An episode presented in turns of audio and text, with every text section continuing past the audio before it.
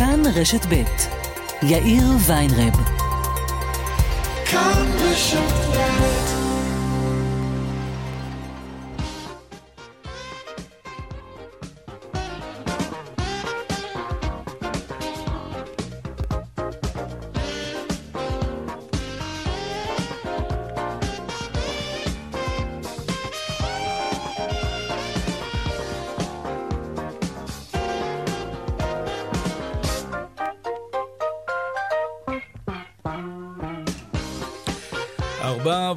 חמש דקות, כאן צבע הכסף ברשת ב' יום ראשון, שלום רב לכם, שבוע טוב, העורך אה, רונן פולק, בהפקה הילה פניני, טכנאי השידור רמי פליקס.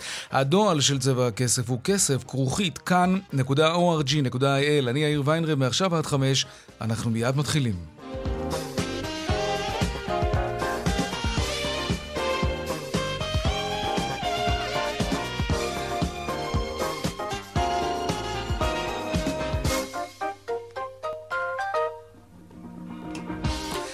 עוד לפני הכלכלה אנחנו פותחים עם רצח שני הישראלים בשומרון. נמשך המצוד אחר אה, שני המחבלים הפלסטינים שירו למוות בצהריים בשני בני אדם ליד חווארה. איתי בלומנטל, כתבנו הצבאי, שלום.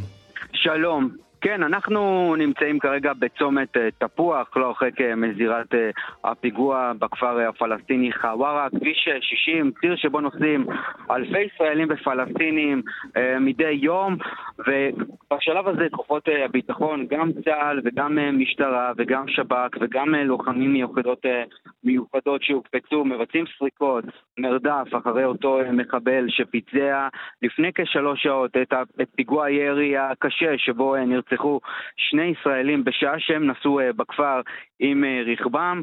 ההבנה היא כרגע שאותו אה, מחבל הגיע לפיגוע בצורה רגלית וירה מטווח אפס לעבר חלקו הקדמי של הרכב.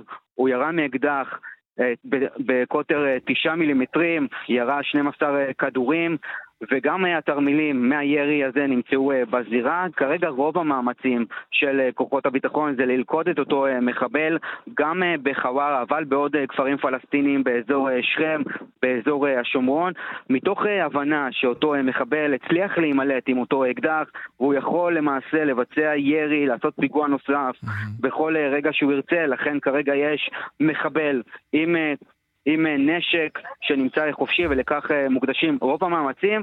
נגיד, בזמן אה, הקרוב, בזמן הקצר שאחרי הפיגוע, כוחות הביטחון החרימו מצלמות אבטחה בחווארה כדי לנסות ולהבין מיהו אותו מחבל. יש איזושהי אינדיקציה, אבל עדיין אין בשורה, המרדף עדיין נמצא בשיאו. המרדף בעיצומו. יש הנחיות מיוחדות לתושבים באזור בגלל המצוד הזה? כרגע אין איזה שהן הנחיות, אבל כן אנחנו יכולים אה, להגיד שהציר עצמו מצומת אה, תפוח ליישובי גב והר עדיין אה, חסומים, עדיין יש כאן חסימה ולא מאפשרים לתושבים לעבור, זה המצב כאן כרגע. איתי בלומנטל, כתבנו הצבאי, תודה רבה על העדכון הזה, ונכנס לאולפנינו רועי קייס, ראש תחום העולם הערבים, שלום. שלום. העדכון שלך. כן, אז אה, כמו שאמרנו, אה, מבחינת הפלסטינים, אז הם ממשיכים לדווח על מה שקורה בשטח. אנחנו כן אה, רואים דיווחים על כך שכוחות צה"ל נכנסים לכפרים, לאזורים באזור שכם בעקבות הפיגוע הרצחני הזה. במקביל, כמו שציינו קודם לכן, ראינו באמת את המראות של חלוקת דברי מתיקה גם בשכם, גם בטול כרם, גם באזורים אחרים. וראינו גם את הברכות מצד חמאס והג'יהאד האיסלאמי, טוענים שזאת הנקמה על מה שהיה בשכם אה, בימים האחרונים, אותו מבצע של אה, אה, צה"ל שהוביל למותם של 11 פלסטינים. נגיד גם שבזמן שאנחנו מדברים, כאמור, נמשכת הפסגה הביטחונית בירדן, אותה פסגה ראשונה אולי מסוגה, שבה משתתפים גם ישראל, גם ירדן, גם הפלסטינים, גם מצרים, גם ארצות הברית. ובהקשר הזה אני רוצה להשמיע לך ולמאזינים מה אומר חבר פרלמנט ירדני שמתראיין לערוץ של חמאס ופשוטו כמשמעו מברך על הפיגוע הרצחני הזה. הנה דבריו של עניין פריחת, הנה. الأهم بكثير من قمة العقبة هي قمة حوارة المقاومين الذين نحييهم الآن عرين الأسود כן, אז זה חבר הפרלמנט הירדני ינאל פריחת שאומר פסגת חווארה, כלומר הפיגוע בחווארה, חשובה הרבה יותר מפסגת עקבה והיא קובעת את סדר היום האמיתי בגדה המערבית. אנחנו מברכים את הצעירים המתקוממים מגובה האריות, את כל הפלגים בג'נין. סדר היום בעקבה לא מעניין אותו, אותנו, כפי שמעניין אותנו סדר היום של הצעירים המתקוממים בגדה. אנחנו כעם ירדני מתנגדים לפסגה הזאת שמארחת ממשלת ימין קיצוני שמסכנת את ירדן, אלה הדברים. ובהקשר הזה, נגיד, אתה יודע, אנחנו חושבים גם קולות בירדן, בפרלמנט, גם חמאס, הג'יהאד האסלאמי, גם הזירה הפלסטינית שמתנגדים לפסגה הזאת, אז ממש בשעה האחרונה יוצאים ציטוטים של מלך ירדן עבדאללה השני, שנפגש היום עם אחד המשתתפים האמריקנים בפסגה, ברט מקורגק, יועצו של נשיא ארה"ב לענייני המזרח התיכון. עבדאללה אומר בפגישה הזאת, חשוב להגביר את המאמצים כדי להוביל לרגיעה, להפחתת ההסלמה בשטחים הפלסטינים, וכמו כן לעצור את כל המהלכים החד צדדיים שעלולים לערער את היציבות ולמוטט את הסיכויים לכונן שלום, בשטח כאמור אנחנו רואים שהמצב שונה לחלוטין. אני רוצה רגע לחזור איתך לאותו חבר פרלמנט ירדני. כן. כשהוא מתבטא כמו שהוא מתבטא, מצד הממלכה, יש איזושהי התייחסות, הרי אחרי הכל קצת אצבע בעין למלך, שנותן חסות נכון, לפסגה כזאת, אה, נכון. שאמורה להרגיע את המצב. נכון, אז זה, תראה, זה, זה, זה המשחק, אתה יודע. מצד אחד, במישור הרשמי, אתה יודע, גם אנחנו ראינו את אה, ראש הממשלה נתניהו מתארח אצל אה, עבדאללה, לא, לא כזה מזמן. כן. אה, מצד שני, אנחנו באמת שומעים את הקולות האלה, המאוד מיליטנטיים בפרלמנט, אה, בעיקר של חברי פרלמנט, אם תרצה, שמזוהים עם אחים מוסלמים, עם הזרם היותר אה, קיצוני, מיליטנטי, יש כאלה חברי פרלמנט שבאמת משמיעים אמירות מאוד מאוד קשות נגד ישראל, ואני רק אזכיר שממש לפני כמה חודשים ראש ממשלת ירדן, בישר חסאונה, עלה לה- על בימת הפרלמנט, והוא עודד אנשים לזרוק אבנים על אה, כוחות משטרה בהר הבית, אה, אחרי העימותים שהיו שם. כלומר, אנחנו רואים שהפרלמנט אה, הוא סוג של, אם תרצה, פלטפורמה שמשמיעה בירדן דעות הרבה יותר קיצוניות, שבאופן רשמי אנחנו רואים את ירדן מארחת היום את הפסגה הזאת, בניסיון להרגיע את הרוחות, מתוך חשש שאתה יודע, אם תהיה איזושהי תסיסה בשטחים, זה גם יקרין עליה בזמן רמדאן ועוד לפני כן. רועי קייס, ראש תחום הערבים שלנו, תודה רבה. תודה. ושלום עמיחי שטיין, כתבנו המדיני. שלום יאיר. כן, אה, בוא נמשיך מהנקודה שרועי הפסיק. הפסגה הביטחונית בעקבה, הרבה מאוד תקוות תולים בפסגה הזאת כדי לנסות ולהרגיע, בטח לפני ימי הרמדאן, והנה מתרחש הפיגוע הרצחני הזה ביהודה ושומרון. נכון, אז מדובר בהחלט בפגישה מאוד אה, חריגה, מה שאנחנו רואים עכשיו בעקבה, אה, בין הישראלים, הפלסטינים, האמריקנים, הירדנים והמצרים, פורמט שבאמת לא ראינו שנים רבות, בטח שלא בצורה פומבית אה, שכזו. המטרה היא להרגיע את השטח רגע לפני חודש הרמדאן. כרגע הפגישה נמשכת, כלומר, הצדדים עדיין מנסים להגיע לאיזשהו פורמט שיאפשר רגיעה לפני חודש הרמדאן. ובמיוחד שהמצרים והירדנים והאמריקנים נמצאים שם, הרבה יותר קשה להגיע לאיזשהו פיצוץ כנראה. כלומר, הרבה יותר קשה לישראלים לקבל החלטה לחזור חזרה, גם אחרי שפיגוע כזה מתרחש אה, בחווארה, למרות שאנחנו רואים שרים וחברי כנסת מהקואליציה שקוראים למשלחת כן לחזור בחזרה. אה, אבל בשלב זה כאמור הפסגה עדיין נמשכת, רק נגיד שמלכתחילה הייתה אמורה להימשך כמה שעות בלבד, זה לא משהו שהיה אמור להימשך כמה ימים, זה מלכתחילה היה אמור להסתיים בשעה הזאת אגב, אה, אנחנו מחכים לאיזו הודעה רשמית שהאירוע יסתיים או האירוע נמשך מעבר אה, למתוכנן. יש מטרה אה, להביא לרגיעה לפני חודש הרמדאן, ראינו דיווחים יותר מוקדם היום, חלק מהם דיווח כתבנו איתי בלומנטל, על החלטה לא לבצע מעצרים במהלך הלילה, ועל ההחלטה להוריד הילוך מבחינת המבצעים הגדולים. אה, כמו שראינו בשבועות האחרונים, גם בשכם כן. וגם בג'נין, אלא אם כן יש פצצות זה אה, גם אחת מתקתקות. הדרישות של הפלסטינים, שנצמצם כמה שיותר את הנוכחות שלנו בשטחים האלה, אבל אחרי פיגוע כזה, אני לא בטוח שההחלטה עדיין עומדת בעינה, או שכן. נצטרך להמתין לסוף הפסגה. אני, כן. אני חייב להגיד שככתב זה די מתסכל שאין הדלפות כרגע מפסגה, אבל לא המקורות הישראלים ולא המקורות הערבים כן. מדווחים כרגע על מה שקורה שם באותם אה, חדרים אה, סגורים, מחדרי הדיונים. גם בואו נמתין לראות אם תהיה איזושהי, אם תהיה איזושהי הודעה משותפת בתום הפסגה שם. עמיחי שטיין, כתבנו המדיני, תודה רבה. תודה. ושלום לחבר הכנסת דני דנון, הליכוד. שלום לכם. אתה נמצא במקום הפיגוע. כן, אני היום סיירתי במועצה האזורית אה, שומרון, כאשר אה, קיבלנו את בשורת האיוב. אה, יחד עם ראש המועצה יוסי דגן, הגענו לזירה בחווארה לראות מראות קשים מאוד. בצהרי היום, בכביש הומה, פשוט רצח של שני ישראלים חפים מפשע. באמת יום קשה לעם ישראל. אתה תולה תקוות בפסגה הביטחונית שמתקיימת היום בעקבה בניסיון לעצור את ההסלמה? בפירוש לא. ובהמשך לדיווח שדנתם בו לגבי צמצום החיכוך או מתן לר... יכולת לרשות לפעול, חושב שקיבלנו תשובה מאוד ברורה למה אסור לנו לצמצם שום דבר לקראת חודש הרמדאן וחג הפסח. צריך לסמוך רק על כוחות הביטחון שלנו שיפעלו בצורה יותר מתוגברת, יותר נחושה, ולא לחשוב שמישהו יעשה את העבודה עבורנו. צריך גם לומר, יאיר, אני, האירוע שבו קרה הפשע הנתעב הזה, פשוט באמצע רחוב הומה. כן. זאת אומרת שהציבור שלא מגיע לזירה בשומרון, שיחשוב שפשוט בעיר, הרחוב ההומה ביותר בכל עיר וכל כפר, שם יוצא מחבל, מוציא רכב אוטומטי ופשוט אה, אה, פותח בירי לעבר הישראלים שנמצאו ברכב והמתינו בפקק יחד עם שאר האנשים.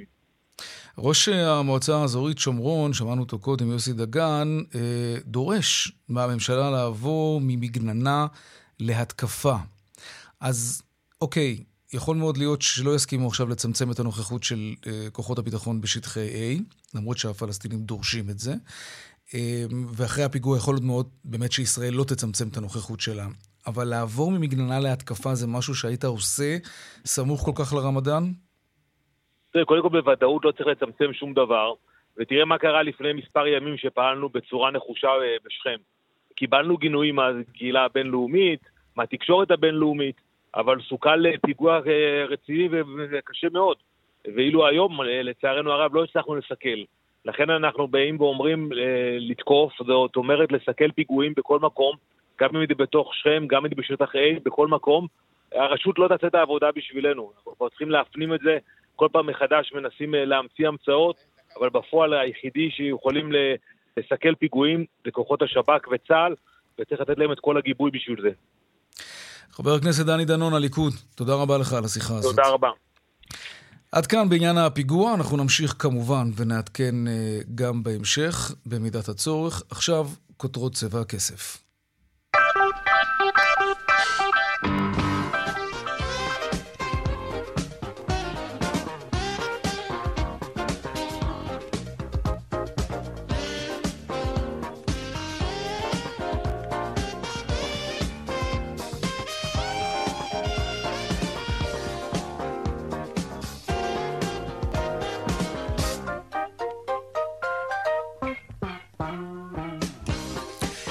כותרות צבע הכסף ליום ראשון, עוד מעט נדבר על תקציב המדינה שאושר ביום שישי בממשלה והופץ היום למשרדי הממשלה. מה יש שם בתקציב הזה?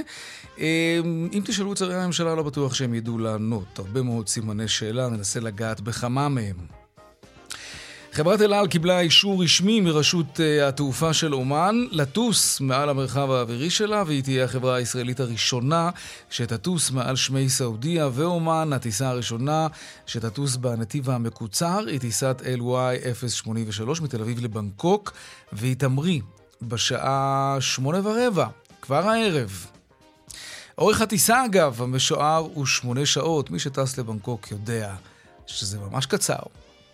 הדלק יוזל ביום שלישי בחצות ב-3 אגורות לליטר, מחירו של ליטר בנזין 95 אוקטן יעמוד על 6 שקלים 81 אגורות לליטר. מה קורה בקרנות הנאמנות? ראשי בתי ההשקעות ממשיכים להזהיר מפני הפגיעה בכלכלה בעקבות המהפכה המשפטית. האם זו בהלה שתירגע בסופו של דבר, או פגיעה לטווח ארוך? ועדת הכלכלה דנה היום ביוקר המחיה, חברות המזון חטפו שם ממשרד הכלכלה, עוד מעט נשמע על מה ולמה. ושוק העבודה עדיין במצב טוב, זה נכון, אבל מספר דורשי העבודה במשק ממשיך לגדול. איפה בעיקר? בהייטק, כמובן. ולקראת סוף השעה, עדכון משוקי הכספים, כרגיל.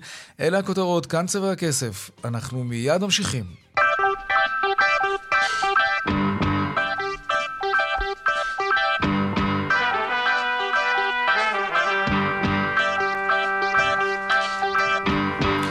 אז במשרד האוצר הפיצו היום את חוברת התקציב לשנים 2023 ו-2024, הרבה מאוד סעיפים ותתי סעיפים. עוד מעט ננסה לצלול קצת לתוכם. דנה ארקצי, כתבתנו לענייני כלכלה, שלום. אפשר לומר, אה, שלום אה, יאיר, אפשר לומר שמדובר בחוברת התקציב, זה אולי איזה תמצית mm-hmm. של דברים שאושרו ביום כמה שישי. כמה דפים ככה בתפזורת. ככה, כמה, כמה דפים אה, אה, שהוציאו אה, אחרי עיכוב, אפשר להגיד, אה, הרבה אי-הבנות, גם... גם היום אה, אה, הרבה שאלות למה? פתוחות. למה? אבל מה, מה, מה... שלא ברור, תראה, ביום, ש... בממשלה אישרו ביום שישי, מיהרו לאשר בזמן פציעות את התקציב. נראה שעד עכשיו אף אחד לא יודע מה היקפו של התקציב, גם מה העלויות של ההסכמים הקואליציוניים שהובטחו, אה, וכמו שדיווחנו, השרים הצביעו על תקציב ללא חוק תקציב מודפס. לפי המסמך שכן הופץ היום בבוקר, נכתבה הודעה אה, שמציגה את גודל האבסורד. בהודעת המכתיבים, המחליטים נכתב כי הוחלט להקצות באופן חד פעמי סכום שלא יעלה על 12.5 מיליארד שקלים על פני שנתיים ליישום ההסכמים הקואליציוניים בשנים הללו, אלא שפירוט הייעוד של הסכומים הללו ולמשרדים, התוכניות ומטרות ההקצאה יובאו במסגרת החלטת ממשלה נפרדת שתובא לאישור הממשלה mm-hmm. לפני הנחת הצעת החוק התקציב לשנים 2023-2024. זה למעשה אומר לנו ש... אה, אה, למעשה האישור של התקציב פוצר לשניים. קודם כל הצביעו כולם ואישרו, עכשיו ישבו אה, ויחליטו לאן ה-12.5 מיליארד שקלים, איך הם יחולקו. לפי ההסכמים הקואליציוניים, כי הרי הם אומרים שאין להם פירוט בעניין הזה. ואם אנחנו ניקח את כל ההודעות של השרים, למשל בן גביר שמתגאה ב-9 מיליארד שקלים, אה, ויש גם את חינוך חינם אה, אה, שתיים, שנתיים עד שלוש, ויש גם... אה, כנראה הבטחות שהובטחו לחרדים, mm-hmm. אז לא ברור איך זה מתכנס, הבטחות שעולות כסף, כן. כן, לא ברור איך זה מתכנס לסכום הזה שנכתב. אה, אה, וזה למעשה, אה, כמו שאמרתי, כן. אומר שיאשרו פעמיים את, את התקציב. התקציב. פעמיים כי טוב, כן. עדיין לא יודעים את הפרטים. ואלו שאלות אה, ש... אה, שאולי נדע עליהן את התשובה בהמשך. כן. דנה ארקצי, כתבתנו הכלכלית, תודה רבה. תודה. שלום אדריאן פילוט, אה, פרשן בכיר גלובס, מה נשמע? כלכליסט, בטוח התכוונת. אה, כלכליסט, יואו, איך התבלבלתי, כן, כן. מה העניינים, מה שלומך? בסדר גמור. הספקת קצת לצלול לתוך סעיף, לא, עוד לפני סעיף התקציב. אתה הצלחת להבין מה הייתה הבהילות ולמה זה צריך להיראות כמו שזה נראה?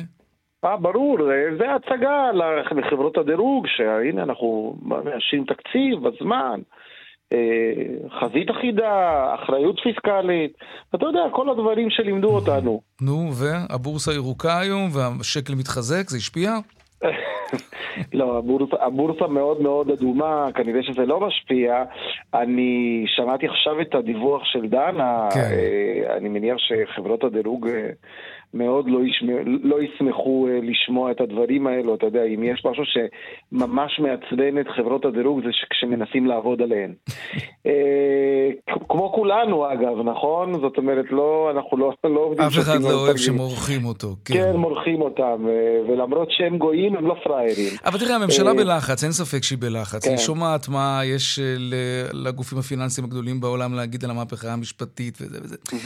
אבל איפשהו, ו- ואני אגב מאמין שהם כנים כשהם אומרים את זה, הם סבורים שאו-טו-טו העניינים יאושרו בסופו של דבר, ואז יבינו שזו הייתה מהומה רבה לא דבר, וישראל עדיין מדינה דמוקרטית, ונחדש ימינו כקדם. מה אתה אומר להם?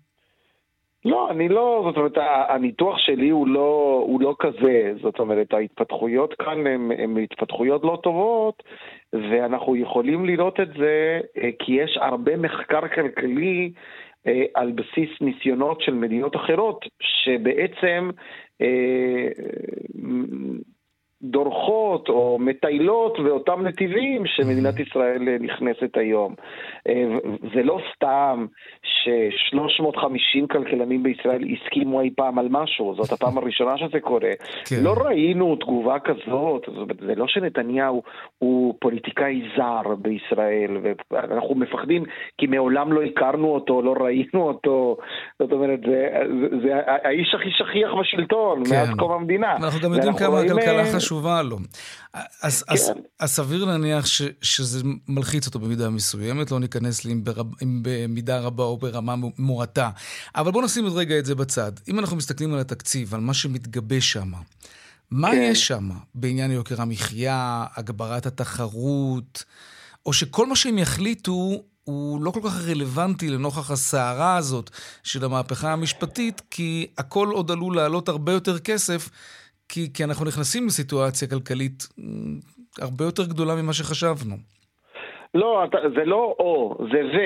זאת אומרת, א' כל, בואו נתחיל מהחלק השני. קודם כל הפיחות כבר מתחיל לתת את אותותיו, זאת אומרת, אנחנו ב-8.7 אחוזי פיחות.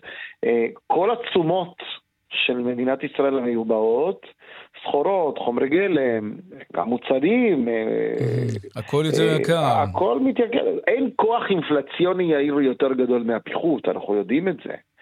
אה, קל בחומר במדינה כמו מדינת ישראל, ש-25% מהתוצר זה, זה בעצם יבוא, ולכן זה, זה קיים. מצד שני, כשאתה צולל לתוך התקציב, כן.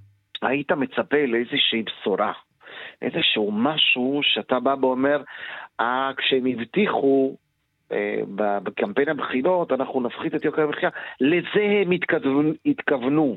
ו... זאת אומרת, לתוכניות האלו. כן. ואנחנו פחות, אה, אנחנו פחות מרגישים את זה, אנחנו פחות רואים את זה. כמובן שאנחנו רואים אה, הרבה מה שנקרא העברות חד צדדיות, אוקיי? או בלשון יותר פשוטה, הרבה קצבאות שיכולות לבוא בצורה של ממש קצבה של הביטוח הלאומי, אבל יכול להיות לבוא בצורה של אה, תלוש מזון, שזה סוג של, אה, איך שלא תסתכל על זה יאיר, זה, זה, זה גם קצבה, זה קצבה לאוכל, אבל זה עדיין קצבה. אה, חינוך תורני, גם, תשמע, בסופו של דבר כשאתה מסתכל פילוסופית, קונספטואלית על חינוך אה, חינם אה, שנתיים עד שלוש, שעדיין לא ברור, אבל נניח שבאמת זה עובר, ברגע שאתה לא מתנה את זה ואתה עוד נותן את זה לכולם, זה גם סוג של קצבה. גם לסקטורים שיש לו שהם לא שני יצרניים, ילדים, כן. אה, יקבל, ומי שיש לו 14 גם יקבל. זאת אומרת, אין פה... וגם אם האימא עובדת, ואם האימא לא עובדת, גם תקבל. זאת אומרת, אתה לא מצליח להבין, הרי יש לי ולך אינטרס לסבסד את הדבר הזה, על מנת ש... הילד הקטן יתחיל לקבל את הכלים כדי שמחר יהיה עובד ויחולל צמיחה ותעסוקה ופריון, ומצד שני אנחנו רוצים לשחרר את האימא שתוכל להישאר ותעבוד נכון. עוד פעם, פעמיים. אבל ברגע שזה לא מותנה ולא כפוף ו- לכולם, לא אז זה. סוג של כן. קצבה. אתה מבין? כן. ויש לזה כמובן משמעות כלכלית. כמובן שזה גם. אינפלציוני מאוד, אנחנו יודעים את זה, כי, כי השכבות החלשות אה, צורכות את כל ההכנסה שלהם, וככל שאתה דוחף להם עוד, אז הנטייה היא לצרוך עוד, זאת אומרת, גם אינפלציוני, יש פה הרבה בעיות עם התקציב הזה, זה ברור, ואנחנו נתחיל לראות את זה ממש בקרוב. אדריאן פילוט, פרשן אה, בכיר כלכליסט, תודה רבה על השיחה תודה הזאת. לך, יאיר. תודה, תודה.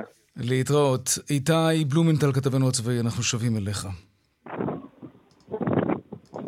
איתי? כן. כן, איתי בלומנטל, כתבנו לענייני צבא, אנחנו איתך. הותרו- לפרסום שמותיהם של הנרצחים בפיגוע.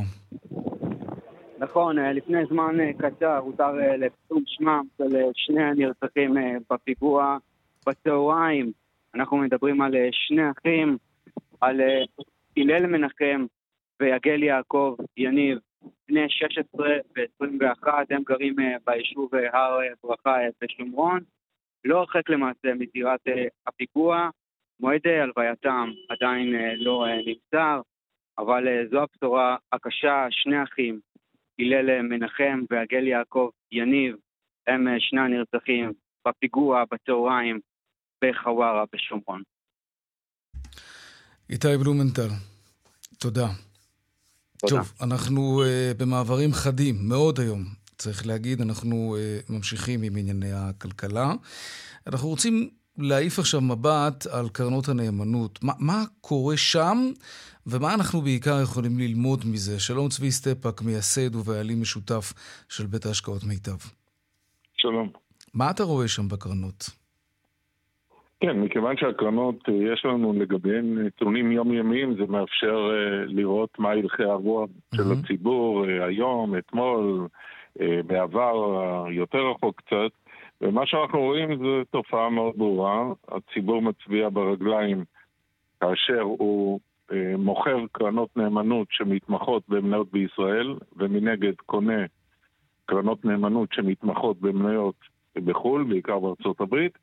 אה, וגם אה, מוכר בהיקפים לא קטנים קרנות נאמנות שמתמחות באגרות חוב של ישראל, ממשלת ישראל ושל פירמות ישראליות, וקונה אה, אה, קרנות נאמנות שמתמחות באגרות חוב בחו"ל, ובנוסף לזה, שזה ביטוי נוסף, אה, נהירה לקרנות כספיות, אבל לא רק שקליות, שזה תהליך כבר שמתבשל לא מעט זמן, אלא גם קרנות כספיות שמשקיעות בדולר, זה גם דבר שהיה בעבר, בחודשים האחרונים, אבל הוא מאוד התגבר אה, החודש בהיקפים אה, הרבה יותר גדולים מאשר בחודש שעבר או בחודשיים. שני הדברים שדיברת עליהם, גם על קרנות מנייתיות ישראליות שננטשות, ובמקומן רוכשים קרנות אה, שהן מניות בחו"ל, וגם לגבי הקרנות הכספיות הדולריות. כשאתה, התופעה קיימת, אוקיי, אבל מה באמת ההיקף שלה? תראה, אה, זה לא, אין פה אה, פאניקה של אה, מה שראינו למשל במשברים כמו הקורונה, שאז היה פדיונות, בתוך שלושה שבועות נפדו 40 מיליארד שקל נכון. מקרנות נאמנות, כן, שזה סכום עתק. אחר כך חלק מזה חזר כמובן כשהשוק התאושש, או כשרוסיה פלשה לאוקראינה, היו פדיונות לא כאלה, אבל גם כן גדולים. אה, יש פדיונות שהם יותר גדולים מנגיד אה, חודשים קודמים, אבל לא בקנה מידה של פי כמה. אה, זה תהליך שכבר נמשך לא רק בחודש פברואר, חודש פברואר עדיין לא נגמר, כי זה לא מספרים סופיים, אבל זה היה גם בינואר, זה היה גם בדצמבר, זה היה גם בנובמבר, באוקטובר, אבל ההיקפים פשוט גדלו וה... המגמה התחדדה, זאת אומרת, אה, בחודשים קודמים לא היו פדיונות בהיקף כמו שהיה החודש. כלומר זה מתגבר, אבל זה עדיין לא משהו שמטלטל את השוק בינתיים. אה, זה לוחץ על השוק, אין מה לומר, אבל קרנות הנאמנות זה לא הגורם היחיד. יש לך כן. משקיעים מוסדיים שיכולים לקנות מניות בחו"ל ולמכור מניות פה. זאת אומרת, קרנות הנאמנות זה רק שחקן אחד אה, בזירה. של המניות באגרות חוב. מה, מה שדיברתי על זה גם קודם עם הפרשן אדריאן פילוט, מה שאומרים תומכי המהפכה המשפטית זה שמדובר בבהלה, והנה אתה אומר זה לא כמו במשבר קורונה למשל, ולא באיזושהי תגובה רציונלית. וברגע שהעולם יבין שמדובר בתיקונים, זה אומרים תומכי המהפכה, כן, לא אני, אה, ולא בהתרחקות מהדמוקרטיה, השווקים יירגעו. מה, מה אתה אומר לאותם אנשים? קודם כל חשוב לי לחדד דבר אחד שנשמע הלוך וחזור, שכאילו יש פה איזה אינטרס סמוי למי? אה, לאף אחד אין אינטרס. אנחנו יודעים... בבקשה? לאף אחד אין אינטרס. אם היה לך אינטרס לא היית עולה אצלנו לשידור. הכל בסדר, אה, אנחנו מנסים לא, לנתח את זה לא, קר. אני אומר, לא, אני כן. אומר הפוך. אה, מאשימים שבכוונה, בכוונת כן. מכוון, יש כאן מישהו שגורם לירידות בשוק כדי לאלץ הצד השני של תומכי התוכנית להתפשר. אוקיי. ואני שואל, אני בעלים של בית השקעות, יש לי אינטרס שהשווקים ירדו ככה וש... ייווצר לחץ על קרנות הנאמנות. ולחץ עליך, נאמנות... כי הלקוחות שלך אה, זה, עלולים להיבהל ממה שקורה.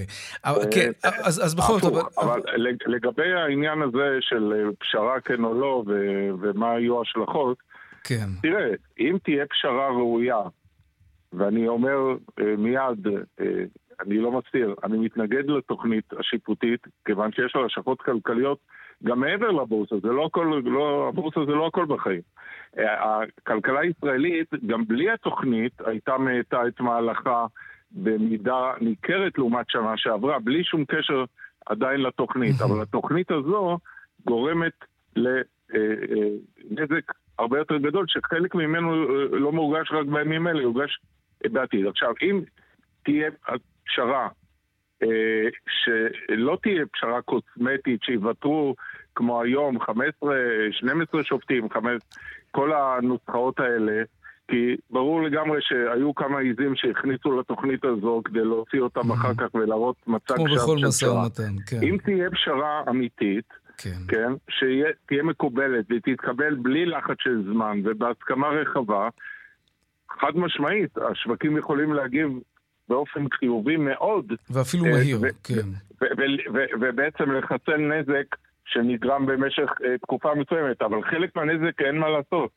אה, הנזק הבורסאי אולי יתוקן בסיטואציה כזו, אבל הנזק שנגרם למשק ביצירת אי הוודאות הזו ובכל מה שכרוך בזה, Mm-hmm. חלק מהנזק הזה יישאר איתנו למשך לא מעט זמן. עוד משהו שאומרים אה, תומכי המהפכה המשפטית, שהעולם משקיע במדינות שאינן דמוקרטיות. כן, הדוגמה הכי מובהקת היא אולי סין, מדינה קומוניסטית. אה, אין מי שלא שופך שם כסף, אין מי שלא מייצר שם כן. ולא עושה כן. ביזנס שם. אז כאילו, אתה יודע, מנסים ליצור איזושהי תחושה ש... שיש פה קצת בהלה והיא טבעית, אבל זה לא... זה לא... אין פה אסון גדול.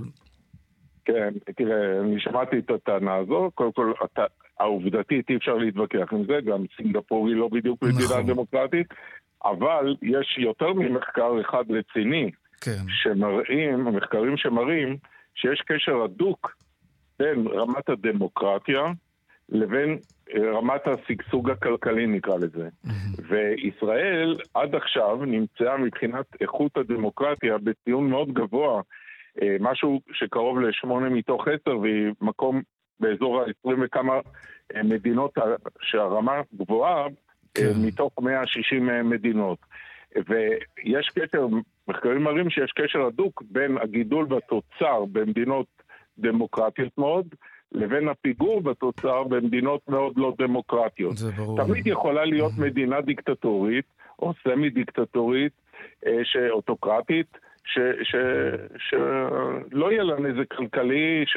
כן, ש, שתצלח אבל היא תמיד יכלה הייתה. לצמוח יותר, כמובן, עם- אה, עם מערכות השלטון שם. היו דמוקרטיות. ויותר מזה, גם מחקרים. מראים שברגע שאתה מטיל מגבלות על הרשות המבצעת, שהיא הרשות החזקה בסוף, אה, ובישראל בעצם יש שתי רשויות, כי הרשות המחוקקת היא עושה דברה של הקואליציה, משמעת סיעתית, משמעת קואליציונית, כל הדברים האלה, אני לא אליהם. ברגע שאתה מטיל יותר, ככל שאתה מטיל יותר מגבלות, כך איכות המשטר הדמוקרטי עולה, וכך עולה גם רמת השגשוג הכלכלי. ולצערי, התוכנית הזו שנידונה, אפשר להגיד לא נידונה, כן, בחיפזון, כן. אה, עושה את ההפך מזה. צבי סטפאק, תודה רבה לך על השיחה בבקשה. הזאת. להתראות. תודה. בואו נראה מה קורה בכבישים.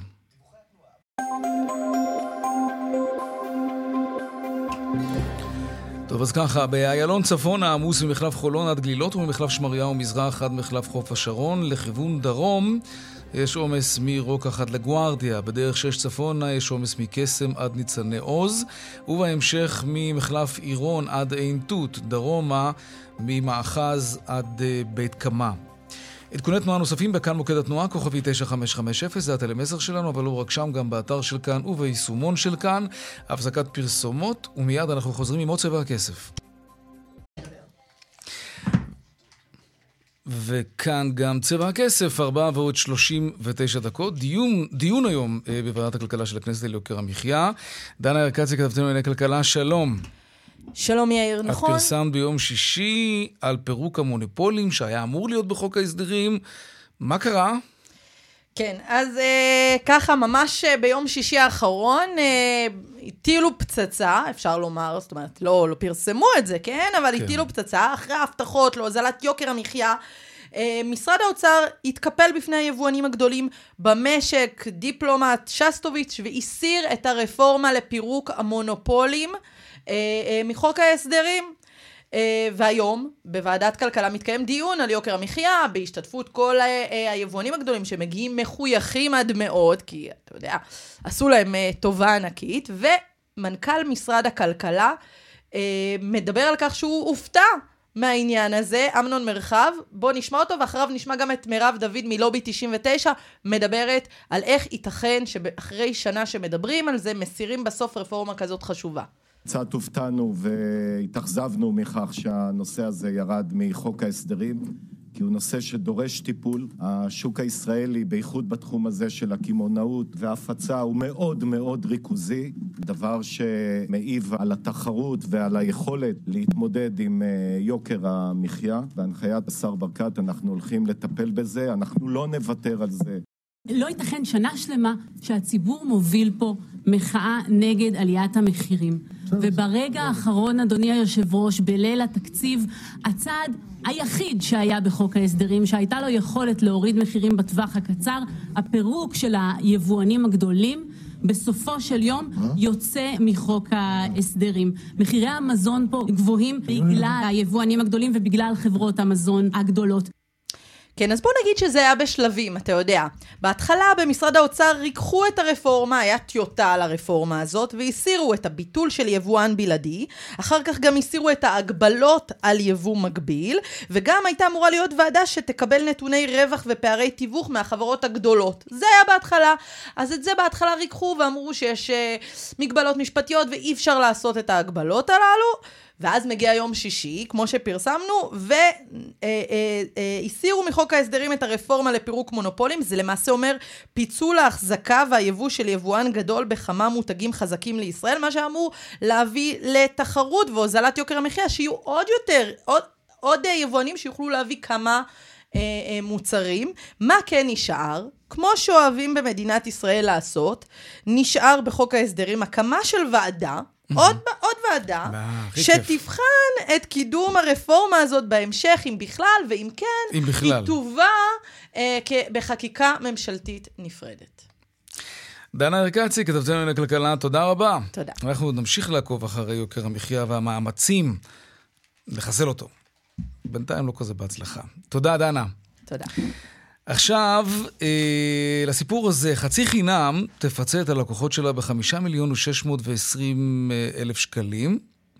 זאת פשרה בתביעה ייצוגית נגד הרשת על זה שהיא לא אה, קיזזה ממשקל העוף שהיא מכרה בקצביות את משקל דפי ההפרדה, כן? את הדפים האלה שמפרידים בין, ה... בין השניצלים באריזה, אז היא לא קיזזה, ולכן הוטל עליה קנס. מי חשב על זה בכלל? שלום, אה, עורך הדין רם אה, גורודסקי. נכון, שלום וברכה. כן, מומחה לתביעות ייצוגיות, ו... אה, והתובע במקרה הזה, שלום לך. אני לא התובע, אני הצגתי אותו. אתה הצגת. כן. אוקיי. תגיד, הדפים האלה, כמה, כמה הם שוקלים בכלל? אמ, במינימום הם שוקלים שישה גרם, יריעה אחת של דף פלסטיק כזה. אה, כן? כן, ואנחנו במהלך ההליך, במהלך התביעה, גם הראינו הוכחות שגם אולי קצת יותר, אבל בסוף בית המשפט קיבל את ההנחה, את ההסכמה המינימלית שכל דף כזה שוקל לפחות שישה גרם. האמת היא, לא תיארתי לעצמי שזה שישה גרם, זה בערך כמו השמרים שאני שם בלחם שאני אופה. תגיד, וכמה גבתה חצי חינם מהציבור על הנייר הזה, כלומר בכסף? נגיד, קניתי אה, שני קילו חזה עוף, היו בפנים אה, 20 דפי הפרדה בין השניצלים. כמה שילמתי על הנייר הזה? כמה זה פגע בי כלקוח? אז אה, כך, אה, בסך המצטבר, נלך רגע מהגדול אה, לקטן. בסך המצטבר בית המשפט קבע שבתקופת כן. התביעה רשת חצי חינם גבתה שבעה וחצי מיליון שקלים וואו. עבור אותם אה, אה, אריזות אה, פלסטיק שעוטפים בהם את השניצלים. מתוך זה הוא, אה, מכיוון שמדובר בפשרה, הוא אה, הורה להח, להחזיר לצרכנים 75 אחוז, שזה ה-5.62 מיליון ש"ח שאמרתי כן. קודם. אה, ואם אתה אה, מנסה לחשב כמה זה בקנייה יחידה, אז אם אנחנו לוקחים אה, שישה גרם אה, ונאמר, נגיד שזה ירייה אחת לקילו, או שתי יריות לקילו, אז אתה מוצא ששישה אחוז מזה זה בערך שק, בין שקל לשני שקלים לכל קילו. ששילמתי בעצם על הנייר. שכל הלקוחות ששיל, שבשנים האחרונות רכשו בקצבייה של חצי חינם שניצל חזה עוף פרוס, שילמו בכל רכישה, כן. רגע, אבל אנחנו מדברים רק על הנייר או גם על האריזת קלקר הזאת? לא, זה אריזת פלסטיק למיטב הבנתי, מה שנהוג בחצי חינם, ו... את זה הם כן קיזזו? את זה חצי חינם נוהגים כדין ומקזזים כדין. אתה יודע, אבל יש הרבה מקומות, אני שם לב לזה, לפעמים אני מסתכל על החשבון, אז אני, אני רואה שמופיע שם ממש ניקוי אה, משקל האריזה, אבל לפעמים זה לא מופיע בכלל. אה, נגיד במאפיות או בקצביות, יש כאלה שנוהגים ככה ויש כאלה שנוהגים אחרת. אם לא מופיע לי בחשבונית קיזוז של המשקל של האריזה או של נייר ההפרדה, בהכרח זה אומר שהמקום הזה, בית העסק הזה עובר על החוק? זה לא אומר בהכרח, אבל זה בהחלט אה, אה, אמור אה, לעורר חשד, מכיוון שעל פי אה, דיני המס במדינת כן. ישראל, כל פעולה שנעשית במשקל, בשקילת אה, מוצר למכירה, כל פעולה כזאת, קיזוז אה, או הפחתה או תוספת כמובן, אה, כולן צריכות להשתקף במדבקה של תוצאת השקילה שמודבקת על המוצר. אז אם, אה, אם צרכן רוצה לבדוק האם אכן הופחתה לו האריזה, זה צריך להשתקף במדבקה הזאת. כך זה על פי דיני המס, כיוון שהעסקים המסודרים והגדולים צריכים להראות בדיוק איזה פעולות הם אה, עשו במאזני השקילה שלהם. וחשוב באמת להדגיש שאולי בשבילנו זה עוד שקל וחצי, שניים שאנחנו שילמנו, ו- ואולי יש כאלה שיזלזלו בזה, אבל הסיפור שבעה האמיתי... וחצי מיליון שקלים. כן, שזהו, שזה כסף שבעצם הרשת אה, שלשלה לכיסה, על שהיא לא הייתה אמורה לקבל. כן, היא מכרה לך את אה, אותה יריעת פלסטיק כאילו היא הייתה עשויה מחזה עוף. כן. תגיד, ואיך חצי חינם תחזיר עכשיו את מיליוני השקלים האלה לציבור של הלקוחות שלה? אז על פי ההסדר שבית המשפט אישר, החל מעוד חודש, חצי חינם תקזז מכל אה, אה, שקילה, מכל אה, סכום לתשלום של אה, מוצרים בכתבייה שלה, עשרה שקלים במשך חצי שנה, עד שהיא תגיע לסכום לסכום של, הזה. כן, של של 5.6 נקודה. וזה לא 5.6 משנה. אם מדובר בלקוח שרכש שם פעם ולכאורה נפגע מהמדיניות הקודמת, או לקוח ש... לא, זה לא משנה. בעניינים משנה. האלה מאוד קשה לאתר אה, ממש בצורה מדויקת מי ברור. רכש, ולכן כאשר אה, אה, ישנו הליך ייצוגי וכאשר מגיעים לפשרה ומחליטים לחלק פיצוי, בדרך כלל מה שנהוג זה לחלל, לחלק את זה לכלל הרוכשים. עורך הדין רם אה, גורודסקי, מומחה לתביעות ייצוגיות, תודה רבה לך. תודה לכם. להתראות. להתראות. אה, כבישים קצת, כן. בדרך 66 דרומה עמוס ממשמר העמק עד צומת מגידו, בדרך 5 מזרחה עמוס מגלילות עד מחלף ירקון ומערבה אה, מאלקנה עד מחלף שער שומרון. עדכוני תנועה נוספים בכאן מוקד התנועה, כוכבי 9550, וכן, תודה רבה לאהוד כהן בופון, וגם באתר שלנו, אתר כאן והיישומון של כאן, פרסומות, ומיד חוזרים עם עוד צבע הכסף.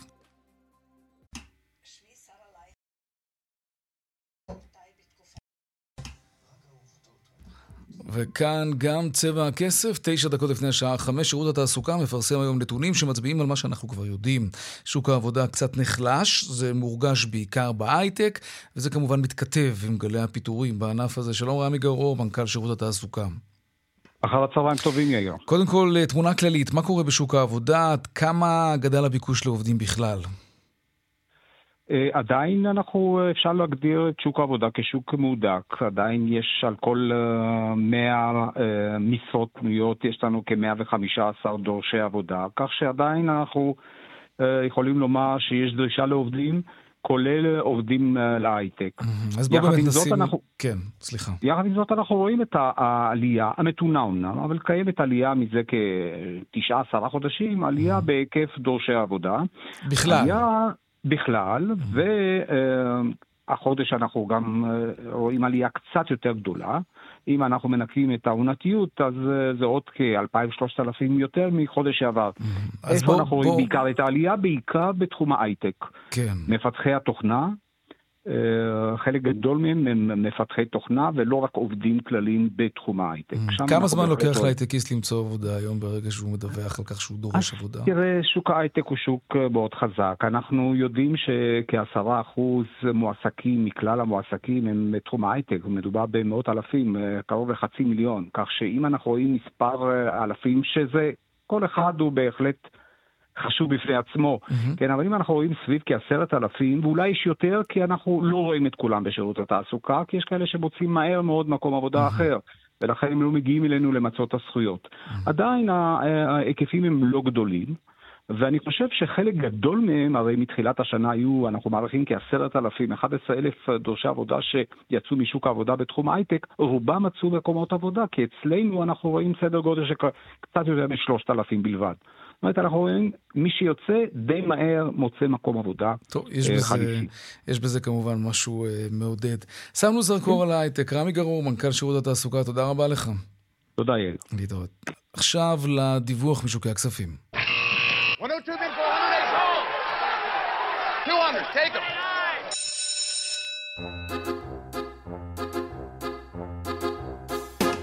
שלום רונן מנחם, כלכלן ראשי, אה, מזרחי. מה לא? כלכלן ראשי שווקים, שכחתי את הטייטל שלך.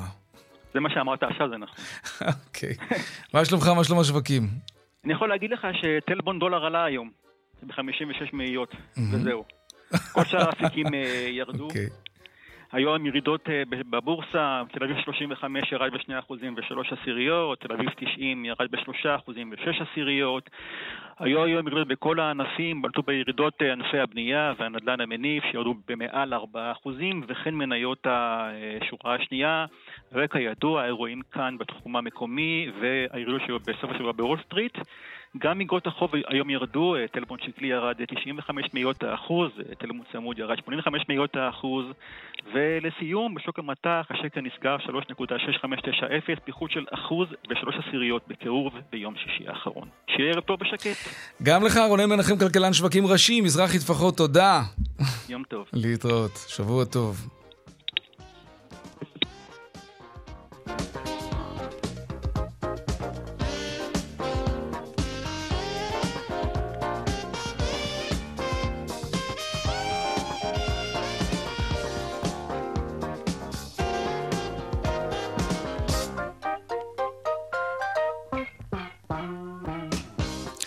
עד כאן צבע הכסף ליום ראשון, העורך רונן פולק, בהפקה הילה פניני, שעוזבת אותנו. כן, לא יפה, היא טסה. נקווה שתחזור, והמון תודה, הילה. טכנאי השידור רמי פליקס ומוקד התנועה אהוד כהן בופון. הדואל של צבע הכסף, כסף כרוכית כאן.org.il, מיד אחרינו בנימיני וקרקובסקי היום. אני יאיר ויינרב, משתמע כאן שוב מחר בארבעה אחר הצהריים, ערב טוב ושקט שיהיה לנו, שלום שלום.